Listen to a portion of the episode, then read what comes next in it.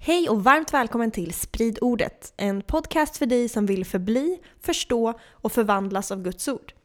Vårt mål är att gräva djupare i Bibeln och att Guds ord ska få spridas i vårt land.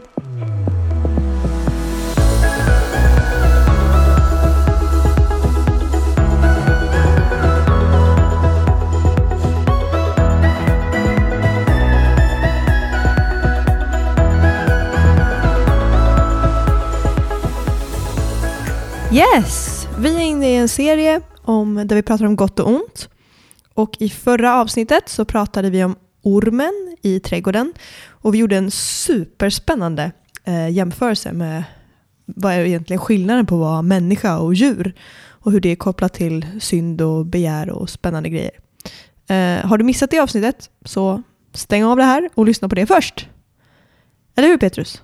Ja, exakt. Så, precis. Om man, inte, om man inte lyssnat på avsnittet innan som heter Orm eller människa, då, då får man nog pausa det här och eh, lyssna på det först. För vi kommer fortsätta. Liksom. Yes. Det är en fortsättning på det.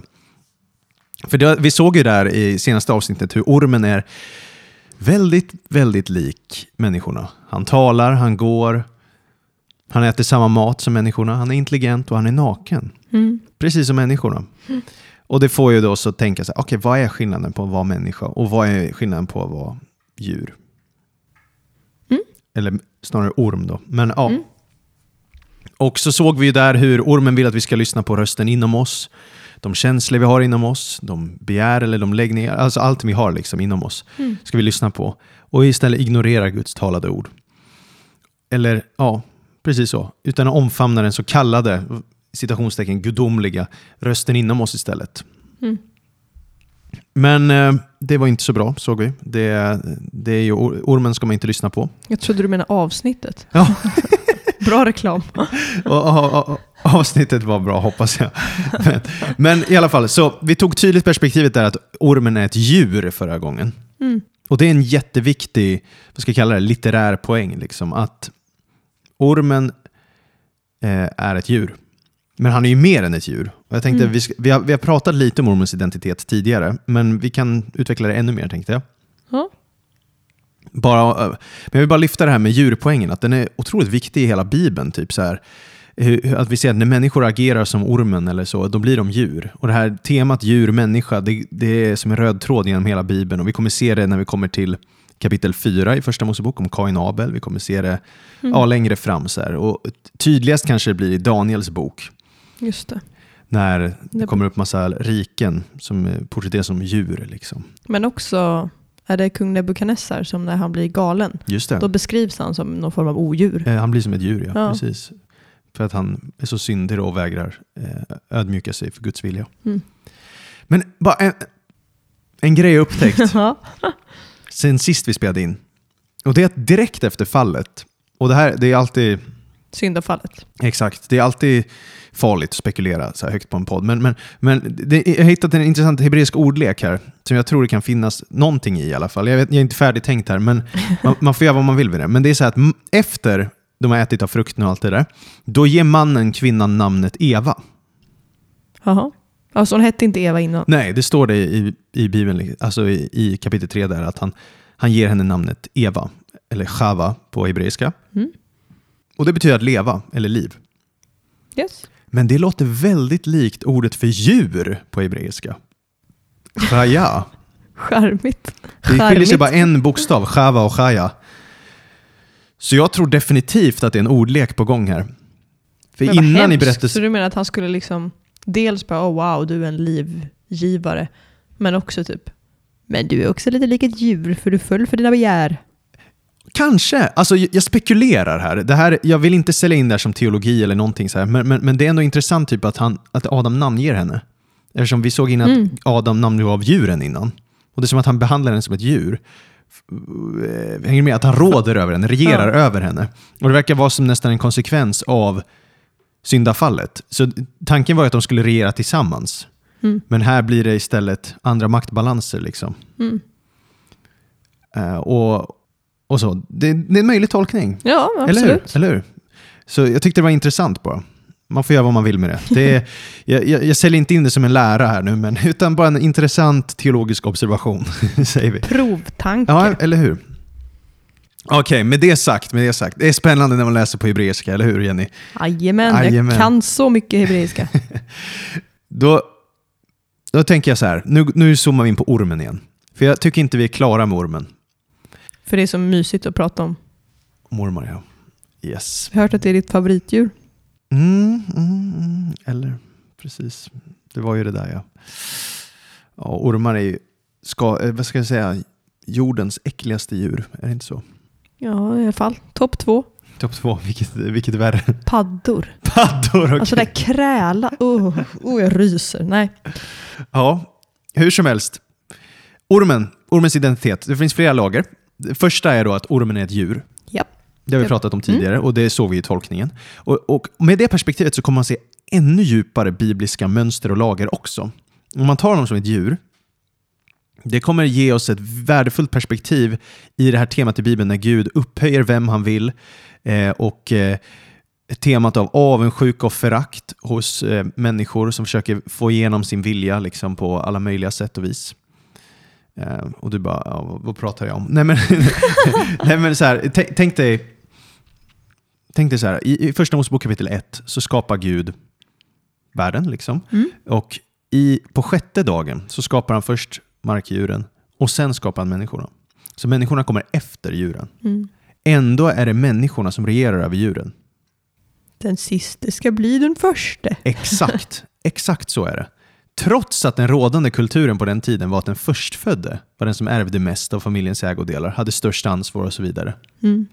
Men det här introducerar direkt ett tema i Bibeln där, vad- ska vi kalla det, den senare, latecomern, blir upphöjd Mm. över förs, förs, förstfödde. Och det här ser man i hela första Mosebok. Alltså man ser du vet, Kain och Abel, man Ja. kommer se det med Jakob och Esau, eh, Josef och hans äldre bröder och så vidare. Och, eller senare i Bibeln också med David och hans bröder. Mm. Så då om man kollar på de här första Mosebok kapitel 1, 2 och 3 och sett det här mönstret genom hela Bibeln, då är det inte så, vad ska vi kalla det, eh, långsökt. Det är inte så långsökt att då se mönstret här också med djuren och människan. Mm. För djuren kom först, människan sen. Och båda är skapade ur jorden, står det. Som har samma liksom ursprung. Mm. Och ändå är det människan som kommer på andra plats som blir upphöjd och ska regera över dem. Det är väl också någon form av teologi, det här med teologin av the first mention, typ. Just det, första gången ett koncept nämns Ja. så sätter det tonen för vad det kommer Ja. innebära resten av Bibeln. Mm. Ja. Ja, men lite så. Eh, även om, och där då är det väl mer så här, ja, ett ord när det dyker upp första gången, då kanske det sätter temat. Eller så. Jaha, okej. Ja, men, men, ja, jag, jag tycker det är ett intressant mönster då, för då fattar man ju också ännu mer, det, det stärker ännu mer perspektivet vi pratade om förra avsnittet. Det här med att ormen är på något sätt avundsjuk Mm. och vill vara medregent. Mm, den tänker, jag är ju förstfödd. Jag ska väl... Exakt, jag ska ju få regera. Ja. Eller jag ska regera med Adam. För jag kom ju före Eva. Mm. Så jag ska få regera och så vidare. Tji fick han. Ja, så, så är det. Men han vann ju på ett sätt ormen. I berättelsen Eller- där. eller? Ja, han vinner ju inte i slutet, men ja, han lyckas ju regera med dem. Ja. Ja, så det, det ser man när man tar ormen som djur. Sen kan man ju se ormen också som en symbol på oordning och spådom. Varför då? För att där, den tiden då den här berättelsen skrevs ner i gamla Mellanöstern, eller Främre Orienten som man säger, då var ormar kraftfulla, alltså de var symboler för kaos. För att det var en, en varelse som inte riktigt tillhör den ordnade världen, alltså Guds ordning. Mm. För orm är både vatten och landvarelse. Den är både under jorden och på jorden. Och den kan slingra upp i träd och så här. Alltså den är lite... Och den är både äcklig och superäcklig. ja, precis. Ja, men till exempel, den har inte fener, fast den är ändå i vattnet. Och den har inga ben. Den, krä, den åh, ålar sig fram. Ja, men exakt. Hela den grejen. Så det gör att den, den, den är rituellt orent djur. Det är ett orent djur. I, sen när man kommer till kosher-matlagarna. Mm. Det var ingen som brukade tillaga orm. Nej, man fick ju inte ens det eh, i Israel då. Och så djur som inte passar sin kategori, de är i någon så här mellantillstånd och tillhör det oordnade riket. Så då blir ju ormen en symbol för kaos. här. Och bara en fun fact på det där att man inte käkar orm, det är att orm ses då som icke-kosher. Kosher är ju eh, judiska matlagen liksom för, eh, för renhet. Ja, så judisk version av islams eh, halal. Ja, precis, precis. Och ormar är ju orena djur, de får inte ätas. Mittenordet, alltså det mittersta ordet av hela Torah, fem Moseböckerna, om man räknar alla ord och du tar ordet i mitten, det är ordet mage. Okej. Och det ordet dyker upp i kosherlagen som förbjuder att äta orm eftersom den kryper på sin mage. Va? Ja, Jaha. det var dagens fun fact. Även om det inte är självklart hur man ska räkna ut mitten av Torah, utan det beror lite på hur man räknar, så det här är lite kontroversiellt. Och det har antagligen inte någon symbolisk betydelse eller något, det var bara en fun fact. Ja, vissa kommer till, fram till andra slutsatser om mitten av Torah. Hur som helst. Vad har det här med något att göra? Hur som helst. Ormar var i, i, i Mellanöstern så här, de var symboler för eh, odödlighet. För att de får så här återfödelse genom att de ömsar skinn. De var symbol på död, för att de hade ett giftigt bett. Och de var symbol på dödsriket i underjorden, för att de kryper ner under marken, sjunker ner i hål och så här, slingrar sig där. Charmigt. Så att, att behärska en orm, till exempel vara en ormtjusare, Tjus- ja. ja. det var att vara herre över döden. Och det är därför det är massa så ormbilder i egyptisk konst och sådär också antagligen, för de var så fascinerade med döden och allt det där.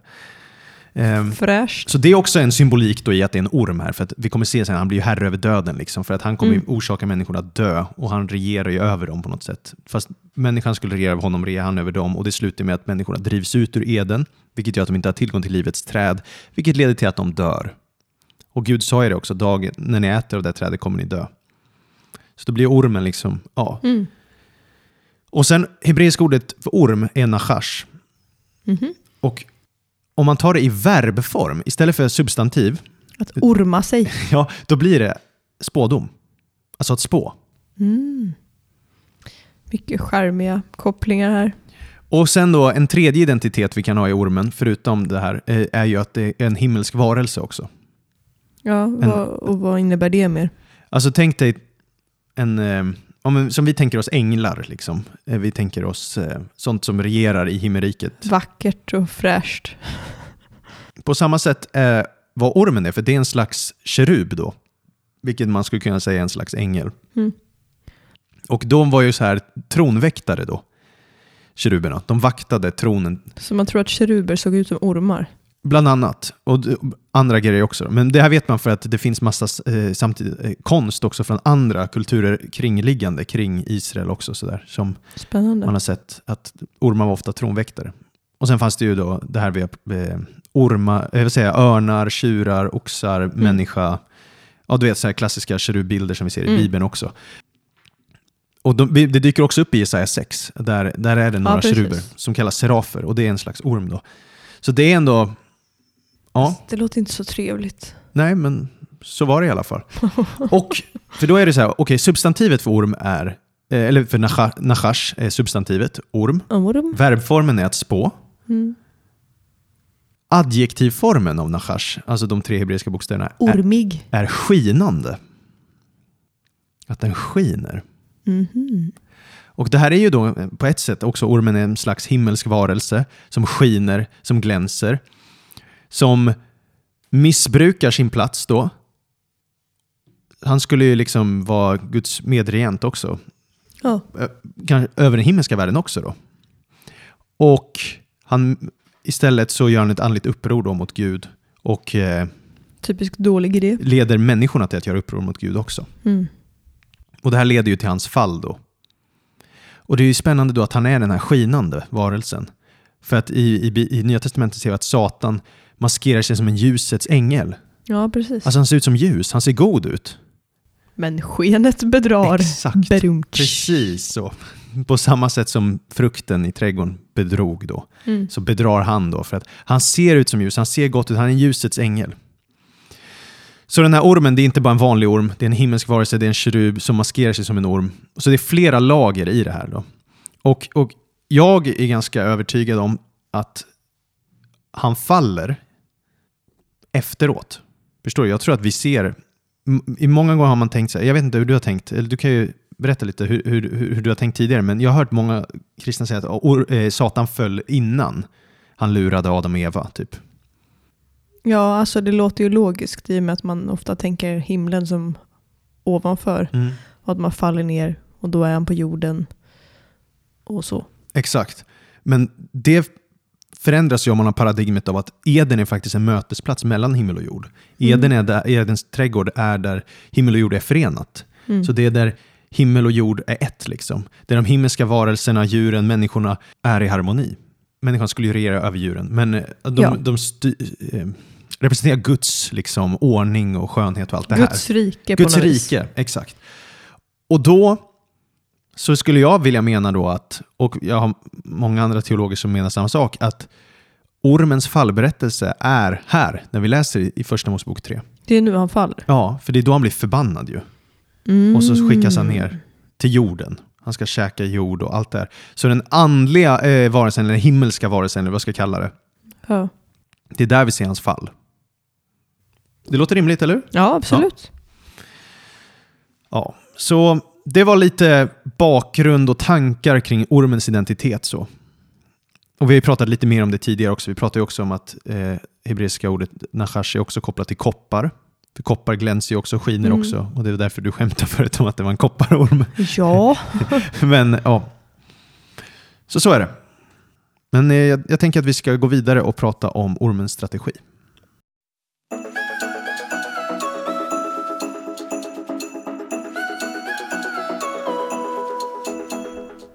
Ormens strategi. Vad är det? Ja, precis. Så förra gången såg vi hur han vill åberopa den här inre rösten hos människan. Alltså vad ska vi kalla det? Passionen eller åtrån eller be- Begär. begäret eller längtan vi har på insidan. Så här. Det som bara känslor inom oss Sockersuget. som går emot Guds vilja. Sockersug. Att, att, rösten, att den rösten skulle vara viktigare än Guds talade ord. Ja. Så kort sammanfattat kan man ju säga att ormens strategi är ifrågasätta Guds ord, ljuga, motsätta Guds ord, fresta och bedra människor, utöva auktoritet över människorna, se gärna god ut, porträttera det som något gott, något dygdigt, något vackert han erbjuder. Lumskhet. Exakt, listighet. Att han skulle representera ljuset men i själva verket är det mörkret. Så det är en sammanfattning, men nu ska vi djupdyka i det här lite så att vi kan bli bättre på att urskilja gott och ont. Så Ja, vi det är, kan väl, se Satans strategier. Så, här. det är väl en bra vägledning. så jag tänker vi läser igen Mm. den här storyn i Första Mosebok 3. Och sen så hoppar vi in lite. Yes, och då läser vi från vers 1 till 6. Men ormen var listigare än alla markens djur som Herren hade gjort. Han sa till kvinnan, har Gud verkligen sagt, ni får inte äta av alla träd i lustgården? Kvinnan svarade ormen, vi får äta av frukten från träden i lustgården, men om frukten på det träd som står mitt, eh, som står mitt i lustgården har Gud sagt, ät inte av den och rör inte vid den, ty då kommer ni att dö. Då sa ormen till kvinnan, ni ska visst inte dö. Men Gud vet att den dag ni äter av den ska era ögon öppnas, så att ni blir som Gud, med kunskap om gott och ont. Och kvinnan såg att trädet var gott att äta av och en fröjd för ögat. Trädet var lockande eftersom man fick förstånd av det. Och hon tog av frukten och åt. Hon gav också till sin man som var med henne och han åt. Ja. Hemskt att de åt, Sorgligt, men vi gör ju samma sak själva hela tiden. tyvärr. Mm. Så vi ser här att ormen får en att tvivla på Guds godhet och generositet. För att han, han implicerar att Gud undanhåller mänskligheten det goda. Precis. Så om, om, om vi jämför ormens ord med Guds bud. För ormen säger så här, har Gud verkligen sagt, ni får inte äta av alla träd i lustgården? Eller som vi översatte förra gången så här, eh, även om Gud sa, ät inte från alla träd i trädgården. Det, det är Mm. liksom hur ormen Mm. säger. Men vad sa Gud? Om vi läser första Mosebok 2 där, 16-17, när Gud ger budet. Och Herren Gud gav mannen denna befallning. Du kan fritt äta av alla träd i lustgården. Men av trädet med kunskap om gott och ont ska du inte äta. Till den dag du äter av det ska du döden dö. Så vad är det Gud säger som ormen säger annorlunda? Alltså till en början så säger han ju, eh, han lägger fokuset på frihet. Mm. Du kan fritt äta av alla träd. Men sen är det bara ett och så förklarar han varför, för då Mhm. kommer du döden dö. Exakt. Men ormen, vad betonar han? Han betonar förbudet. Mm. Och han säger inte hur mycket Gud förbjudit, förbjudit heller. För han, han säger liksom, jaha, har Gud verkligen sagt att ni får inte äta av alla träd i trädgården? Det, det får det låta som att det är kanske fler han har Ja. förbjudit. Medan, Och det får det att låta som att Gud inte alls är generös. Jaha, får ni inte äta av alla träd? Oj, vad dåligt. exakt, exakt så, exakt så. Men då blir kvinnan, kvinnan direkt och säger så här till honom, nej, nej, nej. Gud har erbjudit oss att äta från alla träd i trädgården, förutom ett. Mm. Men nu plötsligt så har ormen riktat konversationen så att förbudet blir fokuset. Precis. Så hon säger då att Gud har sagt att de inte får äta av frukten för då kommer den döda dem. Så ormen börjar erbjuda nu en alternativ tolkning här av Guds ord och Guds intention med budet. Mm. Han säger ja, visst, det står skrivet så, men det betyder egentligen det här. Sjukt sneaky. Verkligen. Men det är en tolkningsfråga, Ja. Kanske. Ja. Men det där är också... Ja, men det, är så, det är så lömskt. Alltså det, nu använder jag så ord som beskriver ormar. Det är så listigt. Det är så lömskt. Nej, men att, eh, att förvrida någons ord. Mm. Alltså om du säger någonting med en god ton och så är det någon som sa Peter sa bla bla bla bla bla bla. Mm. Alltså det, det, det ändrar ju allting om du förlöjligar och förminskar. just det, Ehm. just det, just det. Just det.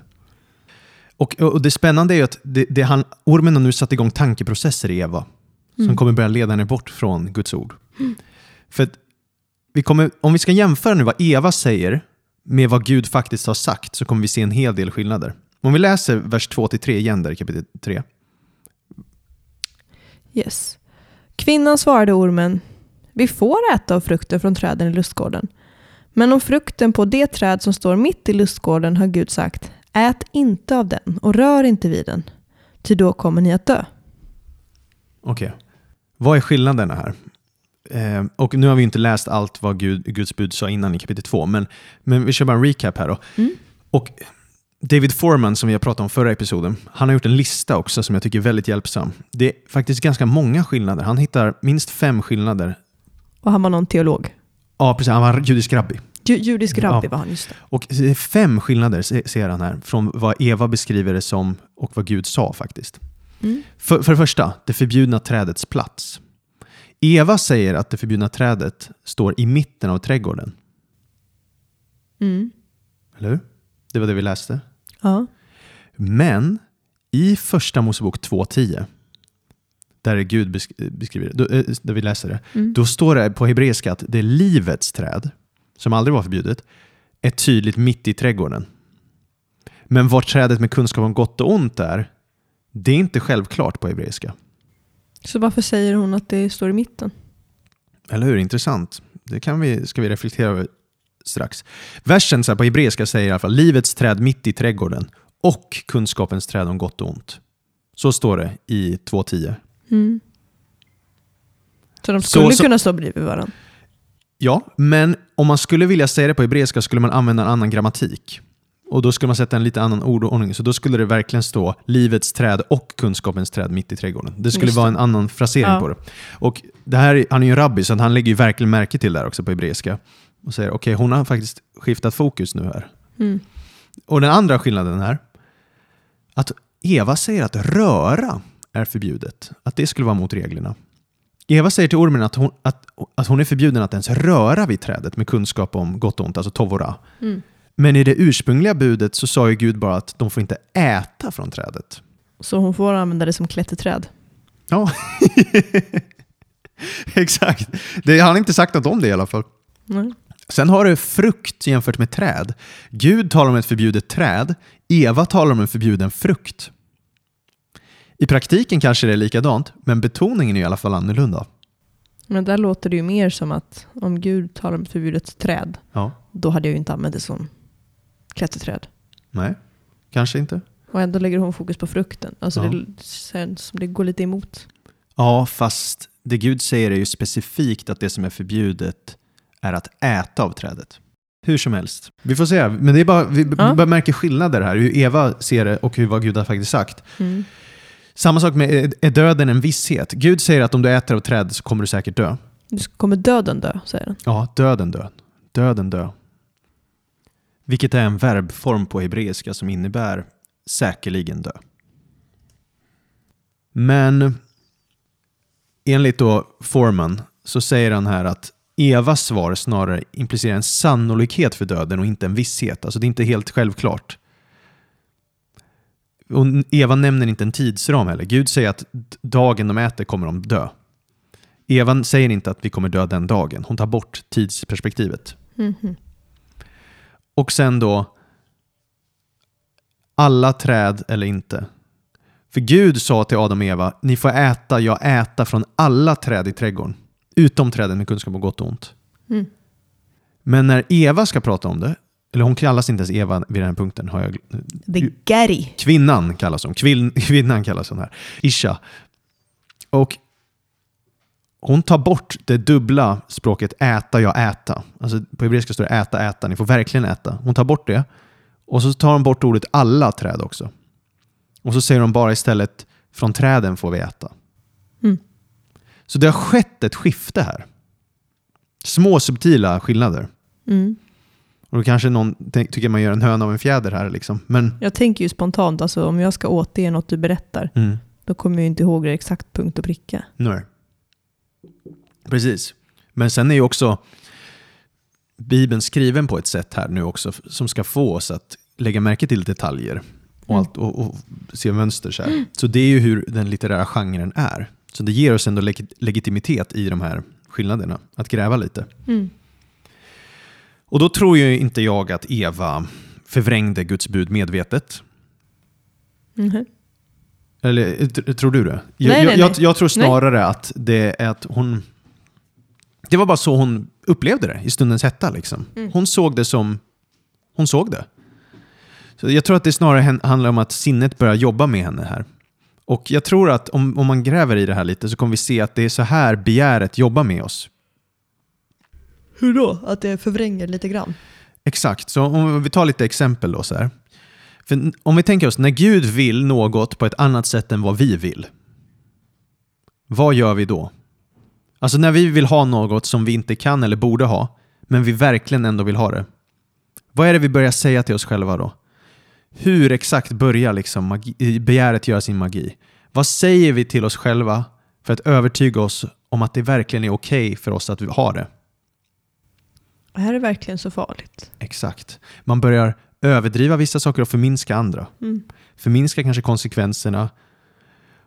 Och man kanske börjar överdriva. Du vet det här, till och med att röra trädet är förbjudet, Mm. som Eva sa. Ja. Gud har ju sagt att det är förbjudet att äta av trädet. Mm. Han har- sa faktiskt inget om att klättra igen. men, men hon bara, till och med att röra trädet är förbjudet. Alltså, då kanske det är lättare att rationalisera bort ett, eh, ett, ett fel om vi, om vi överdriver hur svårt det är att följa reglerna. Mm. Eller förlöjliga regeln. Mm. Eller kanske tvärtom så kanske man förminskar vad man eh, förminskar som du, du pratade om där. Alltså dels konsekvenserna men också det här att Gud sa att ni får äta från alla träd i trädgården förutom ett. Men och det finns tusentals träd jag får äta av. Men plötsligt när, när man verkligen vill ha något, vi kan kalla det begäret då, då börjar flytta tyngdpunkten. Alltså, ja, visst kan jag få äta träd, men jag får ju inte röra det i mitten. Eller så är det tvärtom. För detta är ju innan ormen har hunnit få henne att äta det. Så det kan ju vara tvärtom att hon eh, sätter upp hårdare regler för sig själv. För, eller att hon har gjort det för att hålla sig borta. Så kan det vara. Så att, att frukten såg supergod ut. Så därför så bara, "Ah, ja men det bästa är att jag inte ens är i närheten. Så jag, jag får inte ens röra det. Mm. Och det är därför hon säger så. Just men det. sen så lyckas ormen ändå... Men du förstör din poäng här. Men Nej, nej, men det, det skulle kunna vara så. Men, Ja. men jag, jag, jag tror ändå inte det. För att, för att För vi ser ändå sen hur hon beskriver trädet i centrum, i mitten. Mm. Alltså det blir ens fokus som världen kretsar kring. Mm. Vilket träd var i mitten av trädgården? Och i en skog kan man ju säga att det är trädet man tittar på som är i centrum. Eller, alltså, Ja. ja. och, och, och för Gud är livets träd i mitten. Det är inte Mm. något förbjudet. I Nej. mitten är inte något förbjudet. Men för Eva, eller för kvinnan, ursäkta. Fast det var ju, eh, kropp var ju i mitten av, Vad sa du? kropp var ju i mitten av, eh, vad sa du, alltså så att det som krälar på kroppen, Ja. det var ju i mitten. magen, magen Mage var du det, om. Vad tror mage, förlåt. Ja, men det är inte i fokus. Ja. Mage i mitten, det är ju något kontroversiellt och ingår inte i någon litterär design eller chiasm liksom över hela Torah eller fem Moseböckerna som är att vi ska lägga märke till det som mitten. Så det går inte riktigt att jämföra. Det andra var bara en random fun fact rabbiner lagt märke till. Jag bara förstör din poäng här. Förlåt. Nej, men ja, det är bra, det är bra, du är snabbtänkt. Men alltså, förbjudna trädet blir hennes centrum, eller hur? Mm. Och du hänger med min poäng där ändå. Mm. Mm. Tänk inte på ett förbjudet träd. Och det här är vad som händer hela tiden med oss människor. Att även troende, att fokus går från the main thing, alltså går från Herren, fokuset går från att vara Jesus i centrum till att man börjar fokusera på det man inte får ha. Mm. Eller, eller något man verkligen vill ha. Mm. Men det blir en centrum istället för Jesus. Var den är. Och det är så synden gör sin magi. Liksom ormens lögner. Tar ens fokus. Exakt. Så man får helt enkelt fråga sig, ser jag saker som Gu- Guds ord gör det eller bara som jag vill se det? Mm. Även om jag inte ljuger för mig själv kanske, så vrider jag lite på saker hur jag framhåller dem eller överdriver jag vikten av vissa saker och förminskar andras betydelse för att jag har en egen personlig agenda. Mm. Alltså så här, Som, som krävs, nu när vi poddar här, det är jättebra att du bara, jag kanske, har- jag kanske har varit, för, jag bara, ja men jag vill säga att det här är trädet i mitten och du bara, ja men mage var ju i mitten där av Torah liksom. Så det är bra att vi kan liksom, ja, att vi kan här stöta och blöta lite så här. För det är alltid värt, okej, hela ande hjälp mig här nu. Och i det här fallet nu när vi bara studerar Bibeln, då är det bara, okej, vad är Bibelns poäng? Vad vill vi föra fram? Men i våra egna liv, bara, okej, Ja, men det krävs ju dels urskiljning. Att så här, bara, det första är ju att vara medveten om vad det är man faktiskt gör. Vilket man kanske inte är eftersom man så gärna vill, vad det nu är man vill, ha den där semlan eller whatever. eh, och sen krävs det också en hel del ödmjukhet. mm, Att så här, våga, okej, men eh, jag vill verkligen det här. mm, Men jag vet att det här är inte Guds plan. Jag vill verkligen, jag vet inte, bli ihop med den där personen, flytta Mm. till den där staden. mm, Och så, så bara har man hört Gud säga "Va- stopp. Eller gör inte det. mm. Ehm, ja, det krävs ju en del ödmjukhet att böja sig inför Gud exakt. ibland. Exakt så. Och ormen kommer ju bara mata de här tankarna som är uppror mot Gud också. Mm. Och vilja få det att det ska vara i centrum av ens fokus. Alltså man Ja. ska inte fokusera på allt det goda Gud ger en och erbjudit en, utan det är det som man vill undanhålla. Ja. Och sen det som händer sen då i berättelsen, efter det här, det är ju att då börjar han inte bara vrida på ordet utan också ifrågasätta det och motsäga det och ljuga om det. För då, då säger ormen till kvinnan, till exempel, ni kommer inte ens dö när ni käkar från där. Och det är då det börjar hända grejer här. Att då, då, då blir hon övertalad. Ah, okej, jag kanske inte ens dör av det här. Jag Och det kanske har gör, hört hon ju inte fel på, det gör hon inte på direkten heller. Hon dör inte fysiskt, nej. Nej, Nej, men någonting händer ju ändå. Och det Mm. kommer ju leda till hennes död sen, fysiska död. absolut. Men det är ju så synden ofta gör. Man, man får höra hela sitt liv att, om man nu har vuxit upp i kyrkan eller whatever, man får höra det här är en synd, gör inte det här, gör inte det här. Just det. Man förväntar sig en blixt från en klar himmel när man väl gör det. Mm. Och så händer det Så inget. händer ingenting. Och då Mm. tänker man att det var inte så farligt. Och så gör man det igen och igen Exakt, och igen. Exakt. Men så leder det sakta men säkert bort från Gud. Precis så. Precis så är det. Och ja, så hon blir övertalad av ormen. Och, och, och, och nu, nu är det, det är mänskligheten, vi alla blir ju det här. Vi blir övertalade av ormen ibland. Det är det vi inte vill bli. Och det som händer då är att hon ser att trädet är gott att äta av. En fröjd för ögat. Trädet är lockande så man får förstånd av det, man blir vis av det. Så hon tog frukten och åt och gav till sin man som var med än och han åt. Mm. Och det är väl ändå en sån där fras som återkommer i Bibeln när man ser att någonting är en synd. Mm. Typ när Israels folk, whatever, de eh, krigar och sen ser de att det andra folkets kvinnor var lockande. Mm. Och så tar de dem. Mm. Och det, bara för att det står i Bibeln att de tar de här kvinnorna och våldtar dem eller vad de gör betyder inte det att det är något positivt. Utifrån det här kan man se att det är en fröjd för ögat och man ser det och man tar det. Mm. Det är en symbol på att det här är synd. Exakt.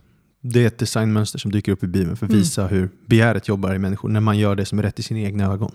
Man väljer att inte följa Gud. Ögon. Ögon, ja. Mm. Mm. Så det är det, är det som är så tydligt. Hon såg att det var gott. Det är ju kontrast till hur Gud såg att det var gott. Mm. Sju gånger i första kapitlet. Men nu är det istället hon som ser det. Och det är ju inte något gott. Och hon vill ha det för att det ger henne visdom.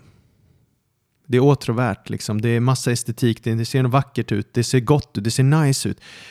Alltså det här, hur, hur kan Gud förbjuda det? Mm. Om det är gott?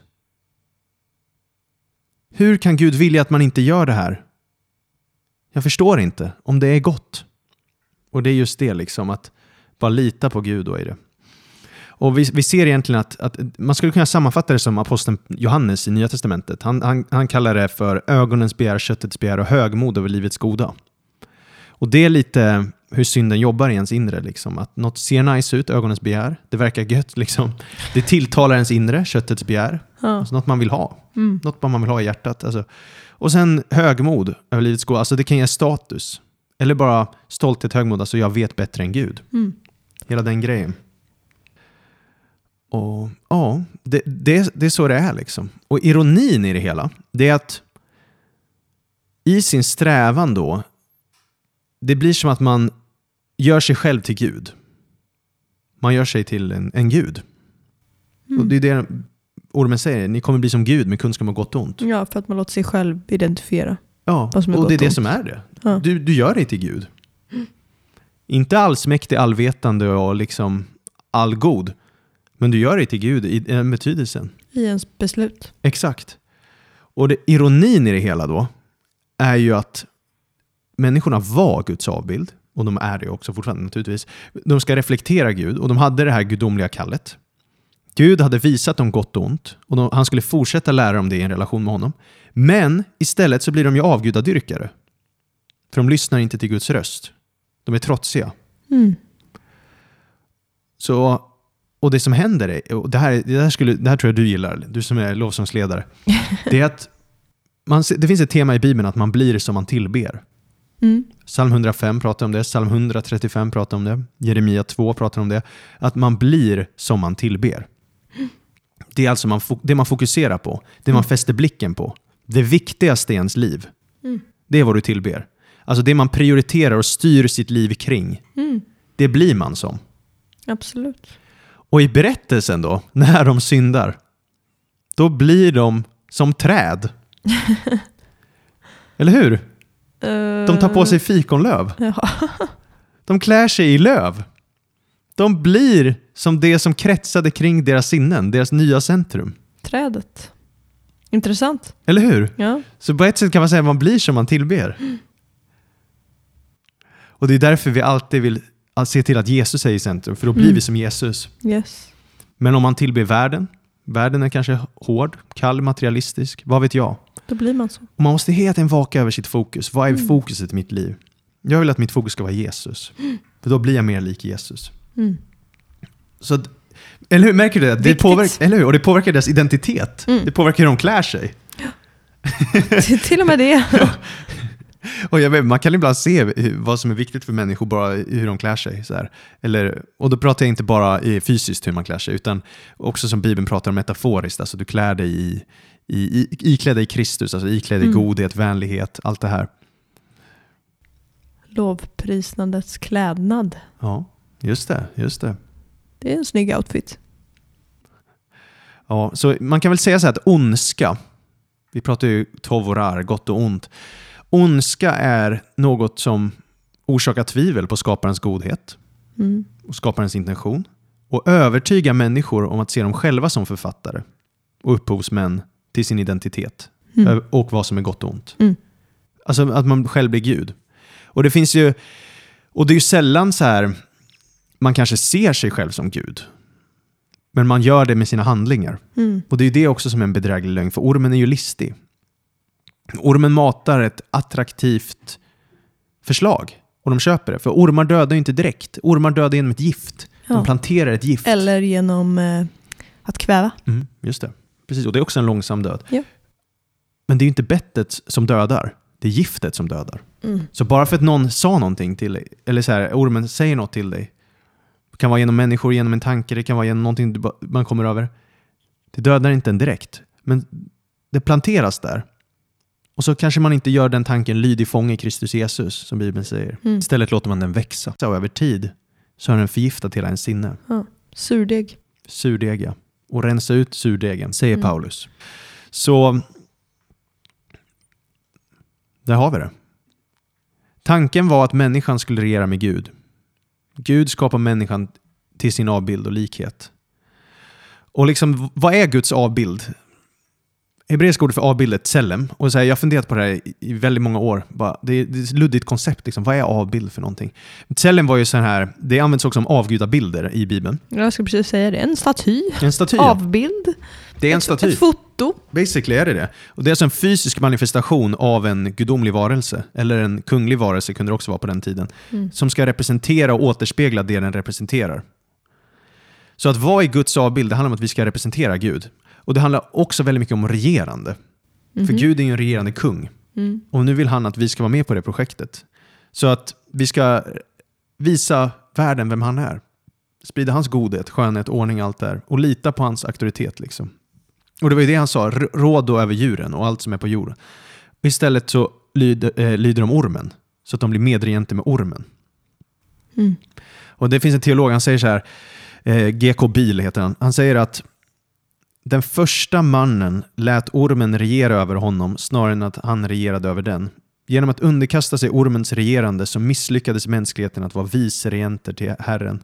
Istället agerade de som viceregenter till ormen. Ormen som nu verkar vara en regent eftersom han utövar auktoritet över de som bär Guds avbild. Säd. Och det är det, vi vill inte bli som djuren. Liksom. Vi, ska inte, vi ska stå emot ormens lögner. Och det bästa sättet att identifiera lögner är ju att verkligen kunna sanningen. Mm. Eller hur? Vi gör ju inte bara sanningen om ont. Exakt. Serien handlar inte om bara om ont. nej, nej, handlar om gott också. Ja, eh, precis. Och det goda är ju Guds vilja, Guds plan, Guds ord. Mm. Och vi märkte att Eva kunde inte skriften helt. Mm. Hon blev ju lite osäker där. Måste man kunna hela skriften utan till? Nej, det måste man inte kunna. Men, men det är väldigt viktigt att kunna Guds ord. Mm. Det är otroligt viktigt. För att lära känna Guds karaktär och veta vad han står för. Precis. Och framförallt viktigt att lita på det. Mm. För att även fast hon kanske hade kunskap om det så litar hon inte på det. För när det väl blev ifrågasatt så litar hon inte på det. Nej. Och då litar hon på det andra perspektivet. Mm. Och då när vi kommer till Nya Testamentet, då får vi egentligen någon som står emot ormens makt. Någon som inte blir som ett djur. Jesus Kristus. Vi ser ju det när han möter Satan i öknen. Då blir han frestad, prövad på olika sätt. Prövad att lyssna till den inre längtan, det som finns till insidan. Lyssna till ormen, tro twistade ord om skriften. Tro allt de här grejerna. Men Jesus står fast vid skriften. Han säger det står skrivet. Jag litar på Guds ord. Jag litar på vad Gud har talat. Mm. Och då besegrar han ju djuret, eller han besegrar Satan. Och sen så småningom så besegrar han ondskan helt och fullt ju. Genom att bli huggen i hälen av ormen. Mm. Inte genom att tro lögnerna, utan bara låta sig bli fysiskt skadad då. Och istället ta på sig hela mänsklighetens synd. Krossa hans huvud. Krossa ormens huvud. Så är det. Och vi vill ju vara som Jesus då, som står emot ormens makt. Det är det vi vill ha. Någon som hela tiden litar på vad Gud säger i sitt Mm. ord. Vi vill vara sådana som har rätt sak i fokus. Mm. Eller hur? Det är något jag tar med mig bara av den här konversationen. Alltså, Mm. Att jag har rätt fokus. Mm. Vad är i mitten av mitt liv? Vad är i centrum av mitt liv? Vad kretsar mitt liv kring? Liksom? Så viktigt.